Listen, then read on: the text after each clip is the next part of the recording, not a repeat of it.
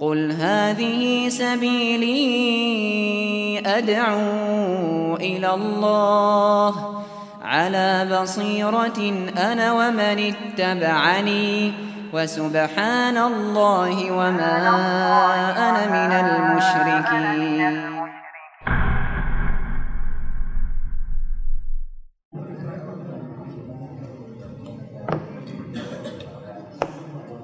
Bismillahirrahmanirrahim. Assalamualaikum warahmatullahi wabarakatuh.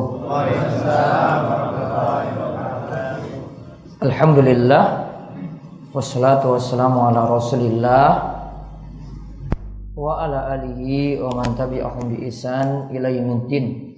Allahumma inna nas'aluka ilman nafi'a wa rizqan thayyiba wa amalan mutaqabbala. Baik, kita Bab 19 bahaya sikap berlebih-lebihan terhadap tiang soleh. Bahaya berlebih-lebihan pada orang soleh. Atau di sini dibawakan judul bab bahasa Arabnya bab majaa an-nasababa kufri bani Adam wa tarkihim dinahum wal ghulu fi salihin. Sebab kufurnya anak Adam dan mereka sampai meninggalkan agama mereka karena sikap berlebihan pada tiang soleh. Sebenarnya tadi awal-awal sudah disebutkan perantara ini beranjak ke bab ini. Tadi kan sudah disebutkan tentang Nabi tidak boleh kita bersikap berlebihan. Malaikat tidak boleh kita bersikap berlebihan pada malaikat. Lalu terakhir pada syafaat. Dan syafaat itu berikan pada orang soleh. Maka bab syafaat itu ada kaitannya dengan sini. Karena kita kalau meminta syafaat pada tiang soleh. Yang sudah meninggal dunia. Itu bentuk berlebihan pada orang soleh tadi. Kenapa kok bahasan ini diangkat oleh Syekh Muhammad bin Abdul Wahab Nah inilah akar kesyirikan yang terjadi di masa silam karena berlebihan pada orang soleh. Jadi sini loh bapak-bapak. Jadi kan mau tahu syirik itu dari mana? Dari orang soleh dulu. Hidupnya diagung-agungkan. Tadi yang saya contohkan tadi, bekas wedang, bekas nampan yang masih utuh, penuh, mau lauk pauk apa di situlah.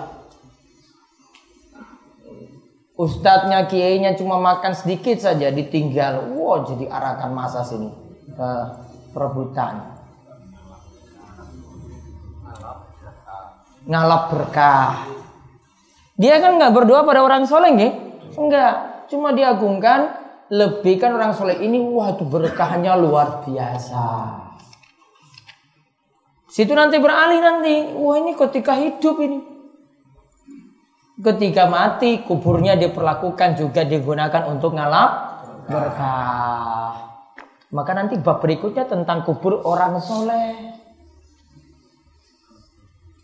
Setelah itu baru masuk ke doa-doa. Karena dari berlebihan ini nanti baru meminta doa pada tiang soleh tadi. Walaupun sudah mati. Jadilah syirik.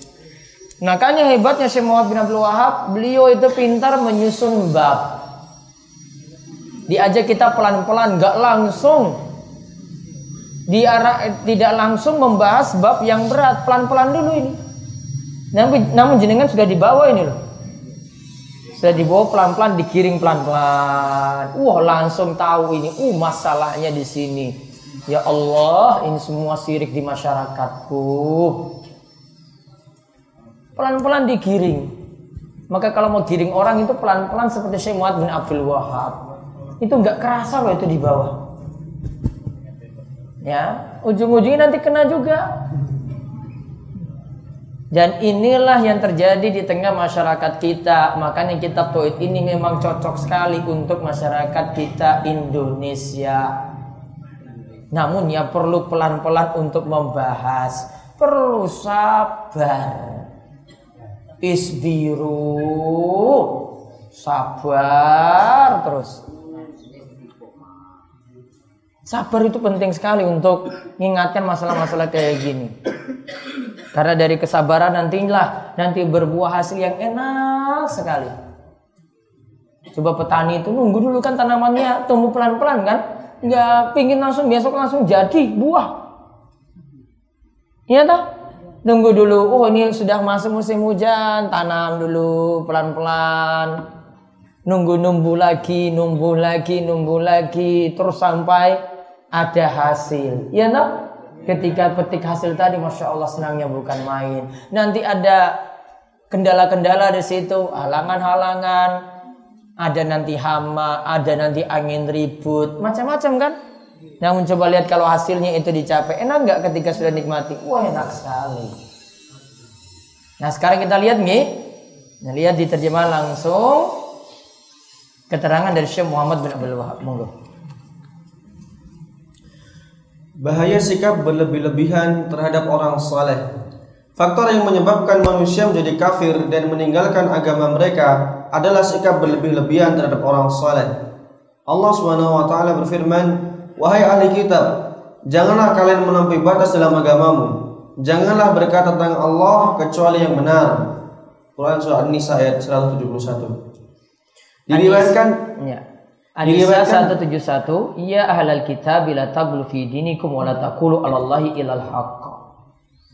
Wahai ahli kitab, janganlah kalian melampaui batas dalam agama kalian.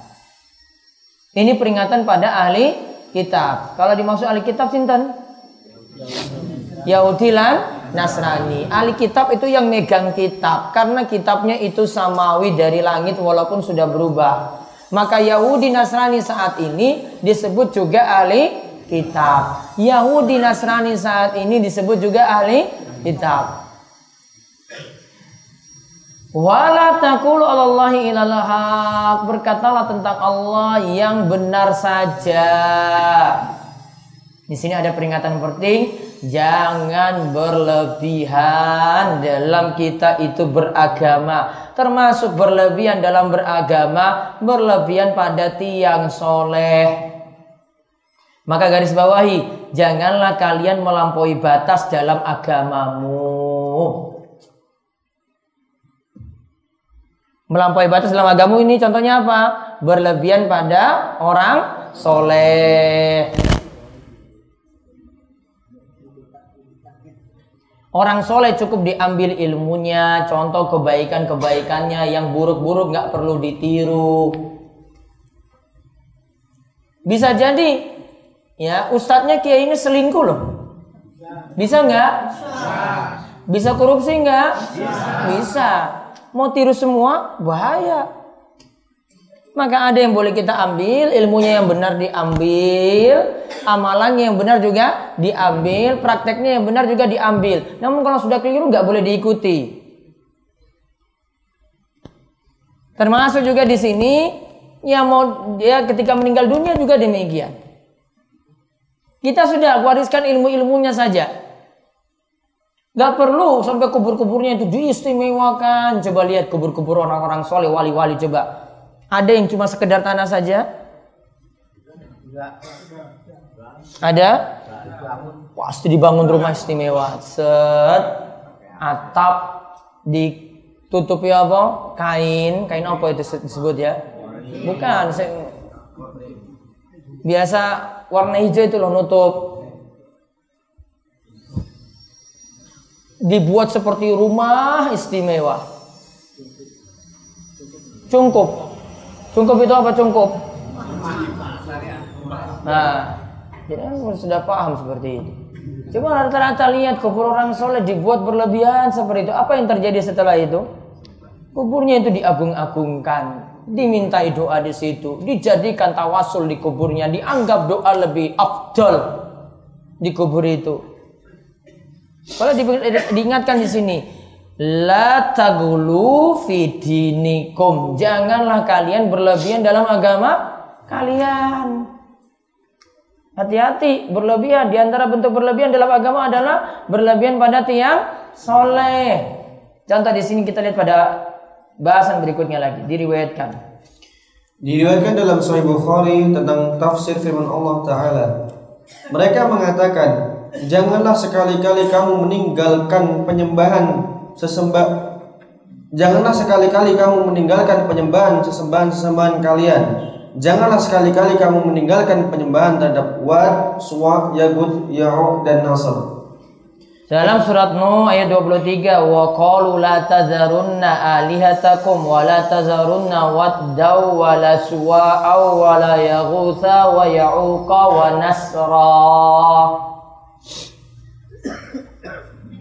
Mereka mengatakan janganlah sekali-kali kalian meninggalkan penyembahan sembahan kalian. Janganlah Sekali-kali kalian meninggalkan wad, meninggalkan suwa, meninggalkan yaguth, meninggalkan ya'uq, meninggalkan nasr. Beri keterangan di situ wad, suwa, yaguth, ya'uq dan nasr itu nama-nama orang soleh dari kaumnya Nabi Nuh. Nama-nama orang soleh dari kaumnya Nabi Nuh.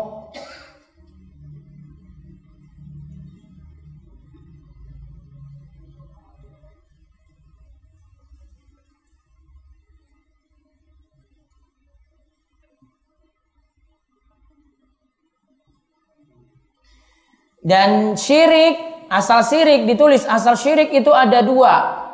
Asal bentuk syirik itu ada dua. Asal bentuk syirik itu ada dua.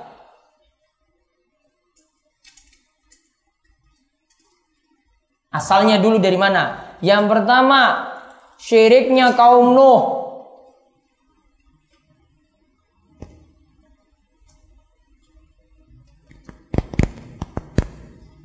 Syiriknya kaum Nuh yaitu berlebihan pada orang soleh, yaitu berawal dari berlebihan pada orang soleh.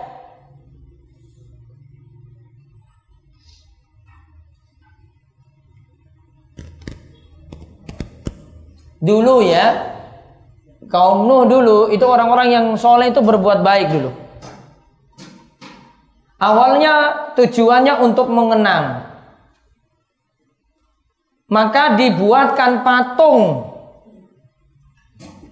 Kalau di zaman kita itu patung itu biasanya untuk monumen. Jadi kan paham monumen nggih? Taruh di perempatan itu kalau monumen tempat kita nggih. Nah, dulu itu dibuatkan patung untuk mengingat atau mengenang tiang soleh. Wah, ini ke simbah dulu yang soleh, biasa bantu-bantu orang. Awalnya untuk mengingat, mengenang. Kemudian orang soleh ini, murid-murid awalnya itu mati semuanya. Datang generasi berikutnya.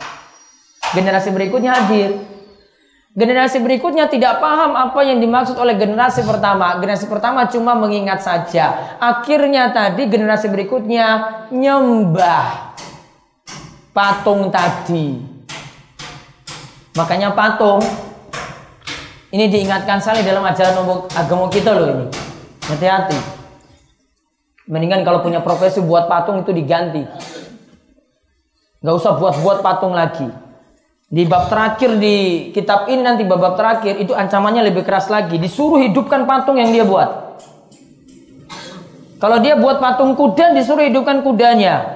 Kalau dia buat suruh dia buat patung orang disuruh hidupkan orangnya. Kira-kira mungkin nggak dia hidupkan? Nggak mungkin kan? Disiksa gara-gara dia nggak mungkin ini hidupkan tadi. Awalnya ini ini juga ini. Itu biang kesyirikan. Ya, patung itu dari biang kesyirikan apalagi itu patung tiang soleh. Termasuk juga foto di sini hati-hati majang-majang foto kiai. Ya, wah dikultuskan di kamar itu di bingkai sing coba gede ada juga yang masuk depan pintunya itu foto kiai ini langsung hati-hati loh itu jangan-jangan nanti seperti kaumnya Nabi Nuh nanti Akibat-akibatnya banyak sekali tentang patung, tentang gambar itu banyak. Di akhir-akhir bab ini itu ada. Makanya ngaji terus kitab tauhid ini sampai rampung pokoknya. Itu syirik yang pertama asal syirik dari kaumnya Nabi Nuh. Syirik yang kedua syiriknya kaum Ibrahim.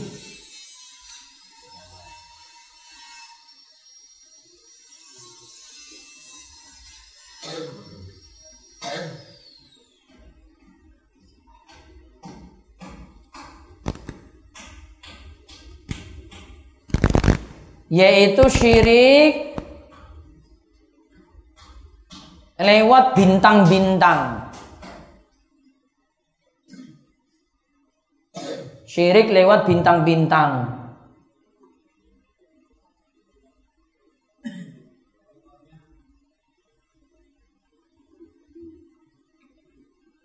Jadi bintang-bintang tadi itu dibuat nanti. Ada nama-namanya dibentuk wasan-wasan patung-patung mengatasnamakan bintang-bintang tadi. Lalulah disembah. Kalau yang satu tadi untuk mewakili tiang soleh kalau ini mewakili bintang-bintang makanya ada peringatan juga di sini tidak boleh menyatakan bintang-bintang itu sebagai sebab turunnya hujan ya tidak boleh meyakini bintang-bintang itu sebab turunnya hujan. Memang mungkin bisa petunjuk jalan bisa. Petunjuk sesuatu bisa, petunjuk saja. Namun bukan sebab langsung ingat. Karena orang musyrik dahulu itu yakini ya hujan itu turun. Mereka ketika berdoa. Kalau orang muslim mutir nabi fadillahi wa rahmatihi berhujan atau uh, mutirna hujan itu turun atas karunia Allah dan rahmatnya. Orang musyrik beda. Mutirna bi kaukab kaza wa kaza. Itu hujan ini turun karena bintang ini dan bintang itu. Nggak boleh. Yang turunkan hujan siapa? Allah. Nah itu asal syirik dari situ bapak-bapak sekalian. Ingat, yang pertama karena berlebihan pada tiang soleh. Yang kedua karena bintang-bintang. Nyembah benda-benda langit. Itu syiriknya Nabi Ibrahim. Itu akar kesyirikan.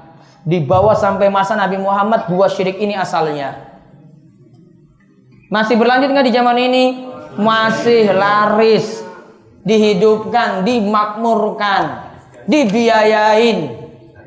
Takmirnya jadi pusing. Terkucilkan. Itu asal sih syirik. Hmm. Baik, terus Ibnu Abbas mengatakan. Ibnu Abbas mengatakan, Nama-nama di atas adalah nama orang-orang soleh di, dari kaum Nabi Nuh. Nah itu ingat, itu nama-nama orang soleh dari kaumnya siapa? Nabi Nuh. Terus. Ketika mereka telah meninggal, maka setan membisikkan sesuatu kepada kaum mereka. Buatlah patung-patung di tempat pertemuan orang-orang soleh itu ketika mereka masih hidup. Namailah patung-patung itu masing-masing dengan nama-nama mereka. Nah, tadi patung-patung itu dihidupkan. Ini pakai nama orang soleh. Ada orang soleh yang namanya Wat, ada orang soleh yang namanya Suwa, ada yang namanya Yagus, ada yang namanya Yauk, ada yang namanya Nasar. Dinamakan patung-patung tadi dengan nama orang soleh. Nanti sesuaikan dengan zaman ini berarti ada yang nanti namanya orang solehnya Soyo, ya. Berarti patungnya patung Soyo. Ada Parjo, oh, patung Parjo. Sesuaikan nama orang solehnya siapa? Biar nanti kan dikenang, oh ini dulu namanya Simbah itu, Mbah Parjo dulu itu saya diagungkan itu. Wah. Yang di bawah ini nggak paham kalau itu nama Simbah dulu yang itu orang so soleh cuma ngertinya minta doa kepada patung Mbah Parjo tadi misalnya. Kalau sini siapa? Ya Wat, Suwa, Ya Gus, Yauk, Nasr. Itu nama tiang soleh di masa kaum no. Kalau kita itu nanti seperti itu jadinya. Karena orang nggak tahu awalnya itu maksudnya apa. Padahal cuma dikenang. Ya kan? Ingat-ingat, wow ini pokoknya ingat ini jasa-jasa orang soleh ini, guru-guru kita gitu. Sama kan yang pasang-pasang foto juga di rumah kan? Ya foto kiai ini atau wah itu Mbah Kiai dulu wis mati. Ya kan? Diingat-ingat terus itu fotonya. Itu baru yang ini loh, langsung muridnya loh. Belum nanti yang di bawahnya itu. Perlakuannya beda nanti. Karena nggak paham itu perlakuan awalnya seperti apa. Mungkin ini bapaknya meninggal, simbahnya meninggal. Sudah anak-anaknya putunya langsung. Lihat itu, wah itu kayaknya dulu simbah dulu minta-minta di sini doanya itu. Cari kuburnya. Minta langsung di kuburnya. Seperti itu. Terus Kaum itu pun menurutinya dan patung-patung itu pun belum disembah. Nah, awalnya belum disembah ini. Belum. Terus Tatkala umat itu telah tiada dan ilmu telah dilupakan, maka patung-patung itu pun disembah. ilmu habis, nggak ada lagi generasi pertama. Orang-orang soleh yang pertama itu mah mati. Itulah akibatnya kalau nggak ngaji kayak gitu. Bapak perhatikan nih lihat, ini karena nggak ngaji. Jenengan ngaji, wariskan ilmu kepada yang di bawah. Kalau ini ngaji ini cuma generasi ini saja, bawah itu nggak ngaji lagi. Guru iki tak sing apik loh. Berarti ini masa keemasan. Setelah itu bodoh semuanya. Maka butuh ilmu itu diajarkan pada anak-anak jenengan langsung, putune langsung, itu ngerti loh. Yang di kantor ngajar kepada anak buahnya yang dibawa kalau sudah jadi bos jadi atasan. Yang di rumah bapak ngajarkan pada anak. Takmir ngajarkan kepada jamaah. Tukang bakso ngajarkan pada pelanggannya. Orang guru maam terus. Didakwahi pas maam gitu. Pak, niki lu wonten buku kitab tauhid panjenengan baca, silakan baca niku gratis. Ya, baca itu biar dapat hidayah. Didakwahi. Kalau enggak ilmu hilang, ilmu hilang bahaya ini nyembah patung. Ya, bahayanya apa? Nyembah patung. Niat kesirikan dari masa Nabi Nuh alaihissalam seperti itu. Awalnya dari ilmu yang hilang. Makanya jaga majelis ilmu baik-baik. Pengajian itu ada di mana-mana. Suburkan terus. Walaupun ada yang serang-serang majelis pengajian, suburkan lagi. Ya, yang nyerang majelis pengajian itu ya cuma orang-orang yang orang seneng aja. Ya, ngaji kok arah diserang terus. Terus mau ngapa? Mau dugem gitu baru mau ini selamat. Dugem dibiarin. Saya ngaji diserang, sing mabuk disuburkan. Ya. Maksiat dijaga. Sing ingin mendekatkan diri pada Allah diserang. Ini kiamat kayak begini. Ini sarah kiamat iki lho. Di zamanmu kayak zaman edan gitu. Wis kebulak balik, ora didukung, dijaga pas wong ngaji. Ya, malah sing maksiat itu yang disuburkan terus malah dijogol coba. Didanai meneh. Oh. Terus Ibnu Qayyim Ibnu Qayyim menuturkan bahwa banyak dari kalangan salaf yang mengatakan bahwa tatkala orang-orang soleh itu meninggal, maka kaum itu pun berdiam diri di kubur orang-orang soleh itu. No, lihat itu. Orang soleh itu ninggal. Ditinggal tadi. Akhirnya mereka datang ke kuburnya itu tadi. Ke kubur. Cerak-cerak kubur loh. Ngapain ke kubur coba? Minta syafaat, tawasulan, minta doa di situ. Minta kaya. Yang sudah dalam keadaan kejepit ditagih utang berat, utang besar, datang ke situ juga. Nyata minta-minta di situ. Ya, awalnya tadi coba lihat. Orang-orang soleh itu meninggal, maka kaum itu datang ke kubur. Terus. Mereka kemudian membuat patung-patung orang-orang soleh tadi. Nah, buat patung-patung orang-orang soleh tadi biar dikenang. Terus. Masa pun berlalu, akhirnya mereka pun menyembah patung-patung itu. Masa berlalu, patung-patung itu akhirnya disembah. Awalnya cuma nongkrong. Apa istilah wong kuburan ini apa? Nongkrong di kuburan itu apa? Apa? Semedi. Ya, semedi itu ngapain saya di situ? Hah? Iya bertapanya ngapain dan ritual itu apa? Hah? Uang sih dapat uang sih apa?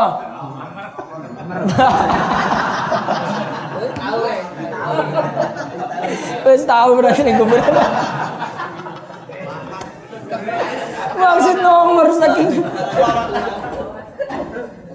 Coba lihat ini ya. Ini jeleknya orang musik sekarang toh. Kalau orang musik dulu masih mending loh. Itu untuk urusan-urusan mereka yang sulit. Sekarang ini orang musik sekarang untuk dukung maksiat. Orang percaya coba nomor cari di mana coba. Ya, dulu itu karena kesulitan datang ke kubur kan. Sekarang ini bukan kesulitan, namun apa? Biar lancar maksiat, biar lancar apa? Nomor tadi.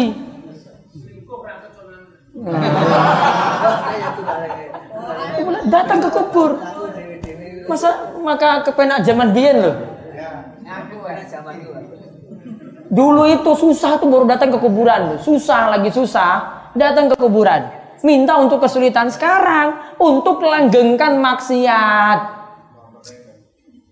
Nomornya metu toh? Iya toh, datang ke kuburan. Ya Allah, nggak kualat kayak begitu ya. Double double loh itu, wes main judi tambah lagi syirik lagi. Double loh itu. Makanya kepenak zaman biyen dibanding sekarang itu ya Allah musibah bener ini orang musyrik sekarang ini. Rempet mana nomornya. Terus Umar. Umar radhiyallahu anhu menuturkan bahwa Rasulullah shallallahu alaihi wasallam bersabda, "Janganlah kalian memujiku dengan berlebih-lebihan seperti pujian orang-orang Nasrani kepada Ibnu Maryam. Sesungguhnya aku adalah hamba oleh karena itu katakanlah Muhammad adalah hamba Allah dan Rasulnya. Rasul ingatkan jangan niru Nabi Isa yang diagungkan Nasrani. Jangan niru Nasrani yang agungkan Nabi Isa. Latut latut runi kam atrotin Nasara ibna Maryam. Janganlah kalian memujiku berlebihan. Agung-agungkan aku secara berlebihan. Seperti orang Nasrani ngagungkan Nabi Isa alaihissalam.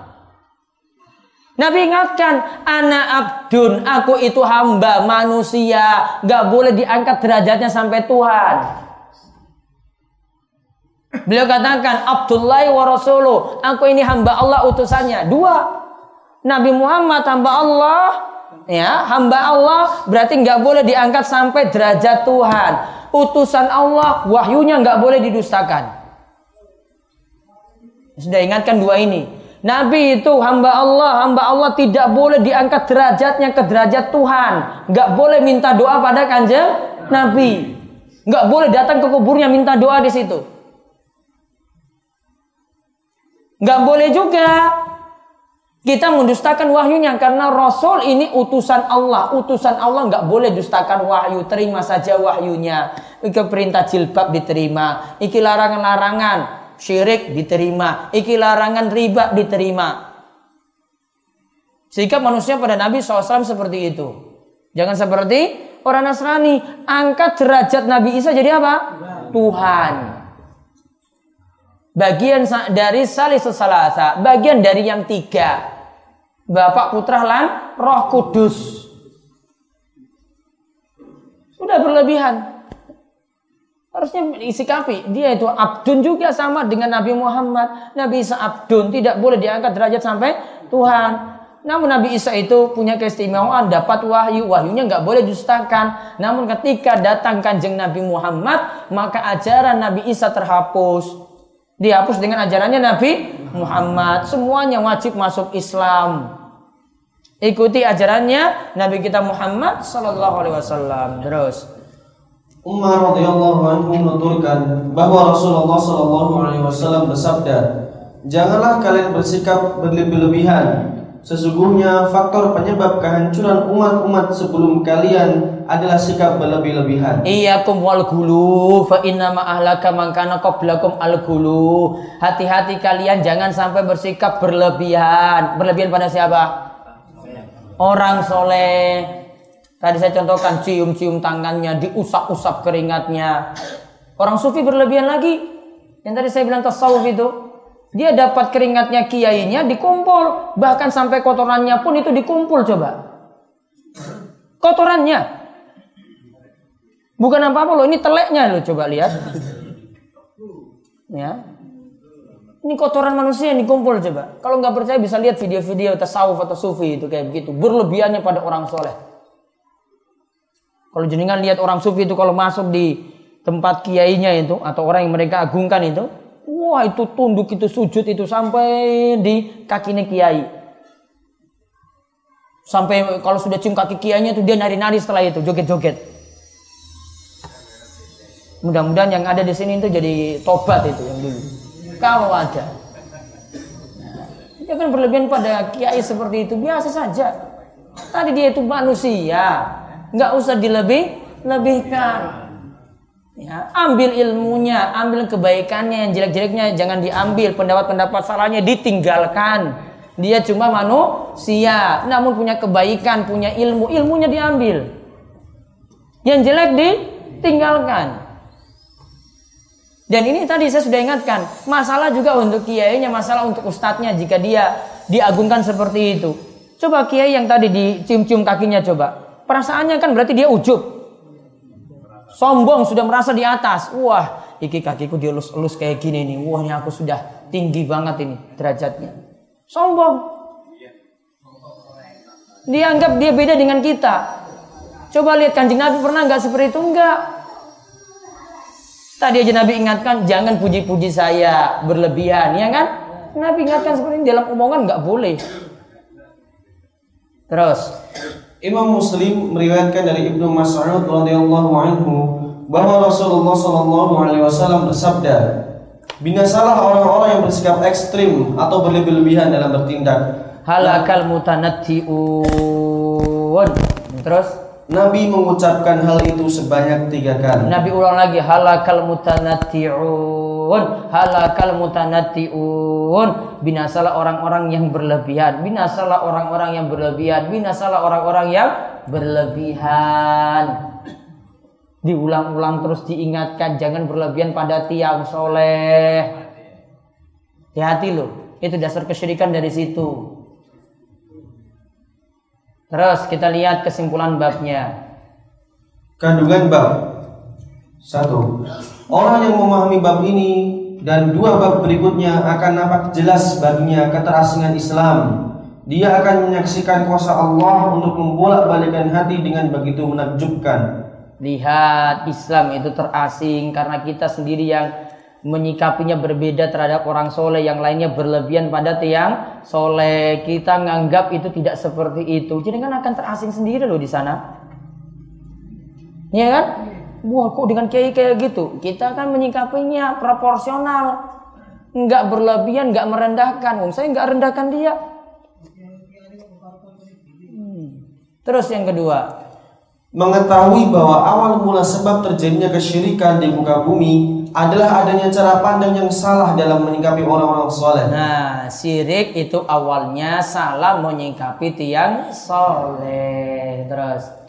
Yang ketiga, mengetahui perkara yang pertama pertama kali terjadi yang mengakibatkan mengakibatkan ajaran Nabi Shallallahu Alaihi Wasallam berubah dan mengetahui faktor-faktor yang mendorong terjadinya perkara tersebut. Padahal Allah telah mengutus Rasul kepada kaum-kaum tersebut mengetahui perkara yang pertama kali terjadi yang mengakibatkan ajaran Nabi berubah dan mengetahui faktor-faktor yang mendorong terjadinya perkara tersebut. Padahal Allah telah mengutus Rasul kepada kaum-kaum tadi. Ingat Rasul itu diutus untuk ingatkan sikap berlebihan pada orang soleh. Terus yang keempat. Diterimanya perkara-perkara bid'ah oleh sebagian orang. Walaupun sebenarnya ditentang oleh syariat Islam dan fitrah yang masih bersih.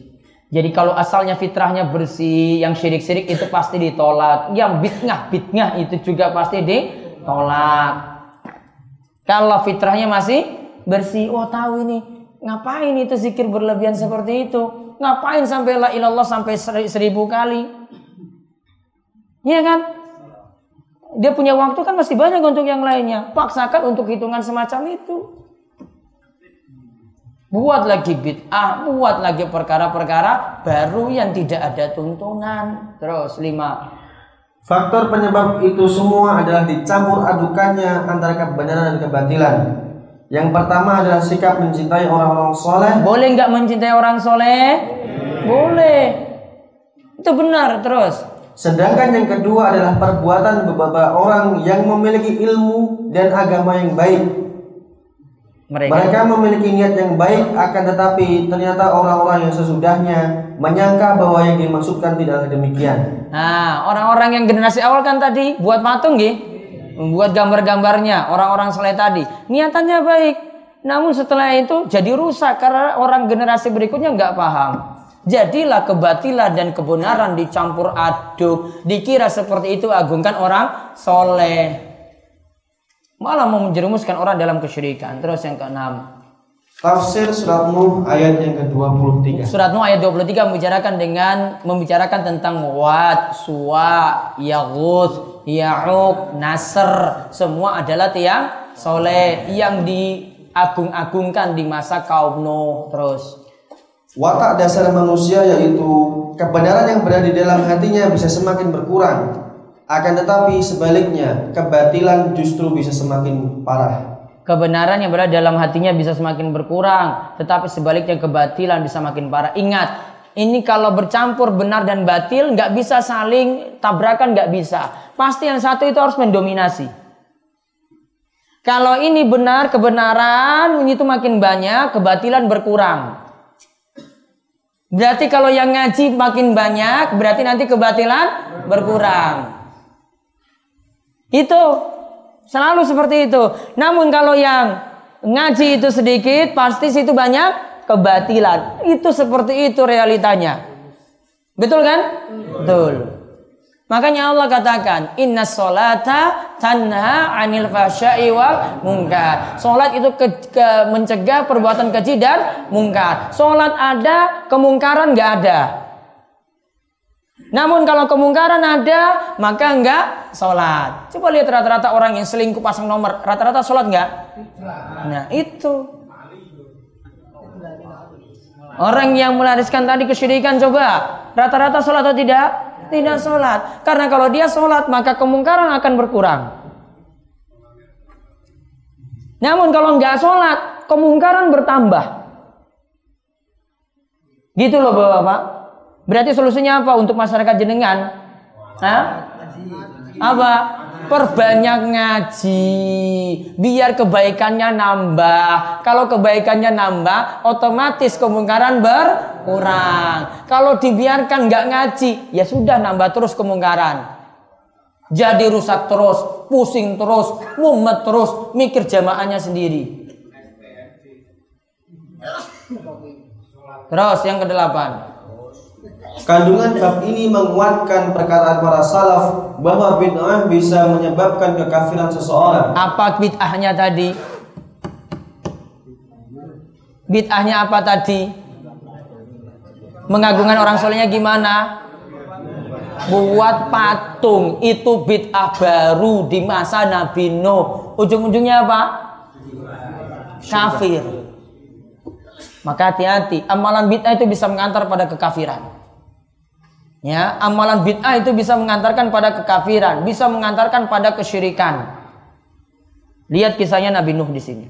Kaumnya Nabi Nuh tadi. Terus, setan mengetahui dampak perbuatan bid'ah walaupun maksud pelakunya baik. Setan itu sudah tahu amalannya keliru. Setan itu hiasi jenengan yang buat bid'ah. Woi, ki amalannya ki apik lho. Mosok maca zikir kok dilarang. Masa sambil geleng-geleng kepala kok dilarang? Iya kan? Masa kok mau Quran kok dilarang? Masa ziarah kubur saja di dilarang? Nah itu kan setan teriak terus kayak gitu. Padahal tidak semuanya amalan baik itu ada karena niatan yang baik. Niatannya harus baik namun sesuaikan dengan tuntunan kanjeng nah, Nabi. Ingat syarat diterima ibadah dua. Ikhlas kalian manut pada tuntunan. Terus mengetahui kaidah umum yang mengatakan tidak boleh berlebihan atau gulu dan mengetahui dampak dari sikap tersebut. Nah, hati-hati gulu pada orang so soleh, nggak boleh berlebihan. Gulu niku artinya berlebihan, nggih? Nggak usah berlebihan, biasa saja. Salam ya salam aja wes biasa. Rasa diambak bau, waduh Pak Kiai, yo sama dengan orang nganggo parfum yo baunya yo bau. Ya ngerti dewe. Kalau kiai ini bar ngerokok ya sama ya baunya juga kayak jenengan bau rokok. Bau tembakau ya bau tembakau, nggak mungkin ini berubah baunya pas dicium itu nggak mungkin. Ya, terus bahaya sering berdiam bahaya sedang berdiam diri di kuburan untuk melakukan amal kebajikan. Tuh, lama-lama di kuburan terus. Ya, ini beberapa praktek di beberapa pesantren malah ini. Suruh ke kuburan malam-malam. Golek-golek masalah. Ngapain coba di kuburan? Apa nambah ketakwaan, nambah takut pada Allah, malah nambah takut pada setan. Jadi wedi terus wah iki kepiye ya ini kalau di belakang ini ada yang ganggu ya. Di belakang ini ada yang ngerasuki ya. Sebagian pesantren kayak gitu loh. Ya. Kita di kuburan itu anu malam hari lagi cari perkara lagi. Setan itu makin hidup di malam hari. Iya nah. Coba lihat surat Al-Falaq gimana? Qul a'udzu birabbil falaq min syarri ma khalaq wa min syarri ghasikin idza idza waqab. Lihat wa min syarri ghasik. Ghasik apa? Kegelapan malam. Aku berlindung padamu ya Allah dari kegelapan malam. Di ujung-ujungnya disebutkan tentang setan dan juga tentang sihir. Berarti sihir paling mungkin di malam hari, setan paling mudah goda di malam hari. Ini golek masalah neng kuburan. Kurang gawean. Coba cari garapan sendiri loh. Art kita itu untuk jauh dari jauh dari setan ini kok malah dekat-dekat tempatnya setan. Itu nggak cari perkara kayak gitu. Saya bilang kalau kerasukan itu syukur kamu kesarukan kerasukan di situ. Siapa sudah datang ke kuburan? Kurang kerjaan. Kurang kerjaan. Kiai ini lagi diikuti coba. Hmm. Ya itu, lihat ya bahaya sering berdiam di kuburan tadi ini. Lama-lama kalau itu kubur orang soleh, kubur orang soleh diagungkan berlebihan. Ya mungkin-mungkin dulu itu tobat ya. Allah terima tobatnya. Seseorang yang kuburan meneh. Terus Larangan membuat patung dan hikmah memusnahkannya. Nah, patung itu hati-hati dibuat, diingatkan apalagi patung tiang soleh yang dikultuskan. Berarti boleh nggak jual beli patung? Tidak. Bapak, bapak. Tak gawe patung toh? Ya. Ini patung. Terus jual, boleh nggak? Nggak boleh. Dosanya tambah besar lagi kalau itu untuk orang soleh. Karena nanti dilebih-lebihkan, diagung-agungkan secara berlebihan. Terus. Kisah kamu Nabi Nuh di atas adalah kisah yang sangat menarik, yang sangat dibutuhkan oleh umat saat ini. Meskipun sudah dilupakan oleh banyak orang. Oh, orang nggak tahu kisah kayak begini, kecuali pas ngaji. Kalau tahu kesyirikannya dari situ pasti nggak mau berlebihan pada tiang soleh. Terus. Sungguh sangat mengherankan. Orang-orang telah banyak membaca kisah kaum Nabi Nuh dalam buku-buku tafsir dan hadis dan mereka juga mengetahui maksud dari kalimat tersebut. Akan tetapi ternyata Allah menutupi hati mereka sehingga mereka meyakini bahwa perbuatan kaum Nabi Nuh itu adalah ibadah yang paling mulia. Nah, orang-orang itu sudah baca kitab-kitab tafsir. Ini ada di kitab tafsir. Itulah kalau orang cuma sekedar mau. Jadi kan itu baca la ilaha illallah tok ora paham ya nggak memahami maksudnya itu apa ya jelas nanti bisa saja terjerumus dalam syirik maka baca kisah Nabi Nuh seperti ini orang-orang tahu tadi wat terus suwa yakus yauk nasr. Tahu oh itu tiang soleh yang dilebihkan. Saya berarti hati nggak boleh lebih-lebihkan orang soleh. Paham? Ya nggak paham sudah bolak balik mocok malah terus agungkan tiang soleh. Terus. Penjelasan yang sangat gamblang bahwa sebetulnya yang diinginkan oleh kaum Nabi Nuh adalah syafaat dari orang-orang saleh. Nah, orang-orang yang tadi mengagungkan orang soleh yang tadi sudah mati, asalnya ingin dapat syafaat. Sudah dibahas tadi syafaat tidak boleh minta pada manusia, mintanya pada Allah. Karena apa? Dapat syafaat ada berapa syarat tadi? Dua. Syarat pertama, dapat izin. Syarat kedua, ridhani Allah. Terus mereka menyangka bahwa orang-orang yang berilmu sebelum mereka yang mendirikan patung-patung orang soleh itu bermaksud agar patung-patung itu tersebut disembah. Mereka menyangka bahwa orang-orang yang berilmu sebelum mereka yang mendirikan patung-patung orang soleh itu bermaksud agar patung-patung tersebut disembah. Terus penjelasan yang sangat penting yang dikutip dari sabda Rasulullah Sallallahu Alaihi Wasallam Janganlah kalian memujiku dengan berlebihan seperti pujian orang-orang Nasrani kepada Ibnu mayyam. Semoga salawat dan salam dari Allah senantiasa tercurah kepada Rasulullah SAW yang telah menyampaikan perkara ini dengan gamblang. Terus, sebentar tadi yang 16, orang-orang yang berilmu sebelum mereka mendirikan patung tadi, padahal maksudnya itu patung ini tidak disembah. Namun cuma apa? Di uh, dikenang. Nah, ternyata tujuan ini tidak dipahami generasi berikut. Maka mendingan nggak usah buat pak patung daripada nanti disikapi salah oleh generasi berikutnya. Terus yang 18. Nasihat Rasulullah Shallallahu Alaihi Wasallam kepada kita bahwa orang-orang yang bersikap ekstrim akan binasa. Halakal mutanatiun celakalah orang yang ekstrim berlebihan. Halakal mutanatiun diulang sampai tiga kali. Terus dijelaskan bahwa patung-patung itu baru disembah ketika ilmu ketika ilmu agama dilupakan. Dari uraian di atas, maka jelaslah arti penting adanya ilmu dan bahaya yang diakibatkan hilangnya ilmu tersebut. Makanya itulah pentingnya ngaji. Orang ngaji bisa terjerumus dalam syirik. Ya, bisa terjerumus dalam syirik. Ilmu itu diangkat keberkahan hilang. Yang ada kemungkaran datang, kejelekan datang, kesyirikan juga datang. Terus terakhir, Sebab hilangnya ilmu adalah wafatnya para ulama. Tanda hilangnya ilmu dengan wafatnya para ulama. Kalau para ulama itu masih hidup, gali ilmu banyak-banyak dari mereka, pelajari ilmu tersebut daripada mengagungkan tiang soleh atau ulama tadi secara berlebihan. Wallahu alam bisawab sampai bab songolas ya nanti bar ngasar bab 20 sekarang panjenengan istirahat rumiyin nggih biar nanti sehat. Ini masih sampai malam. Iki wis podo saya ngantuk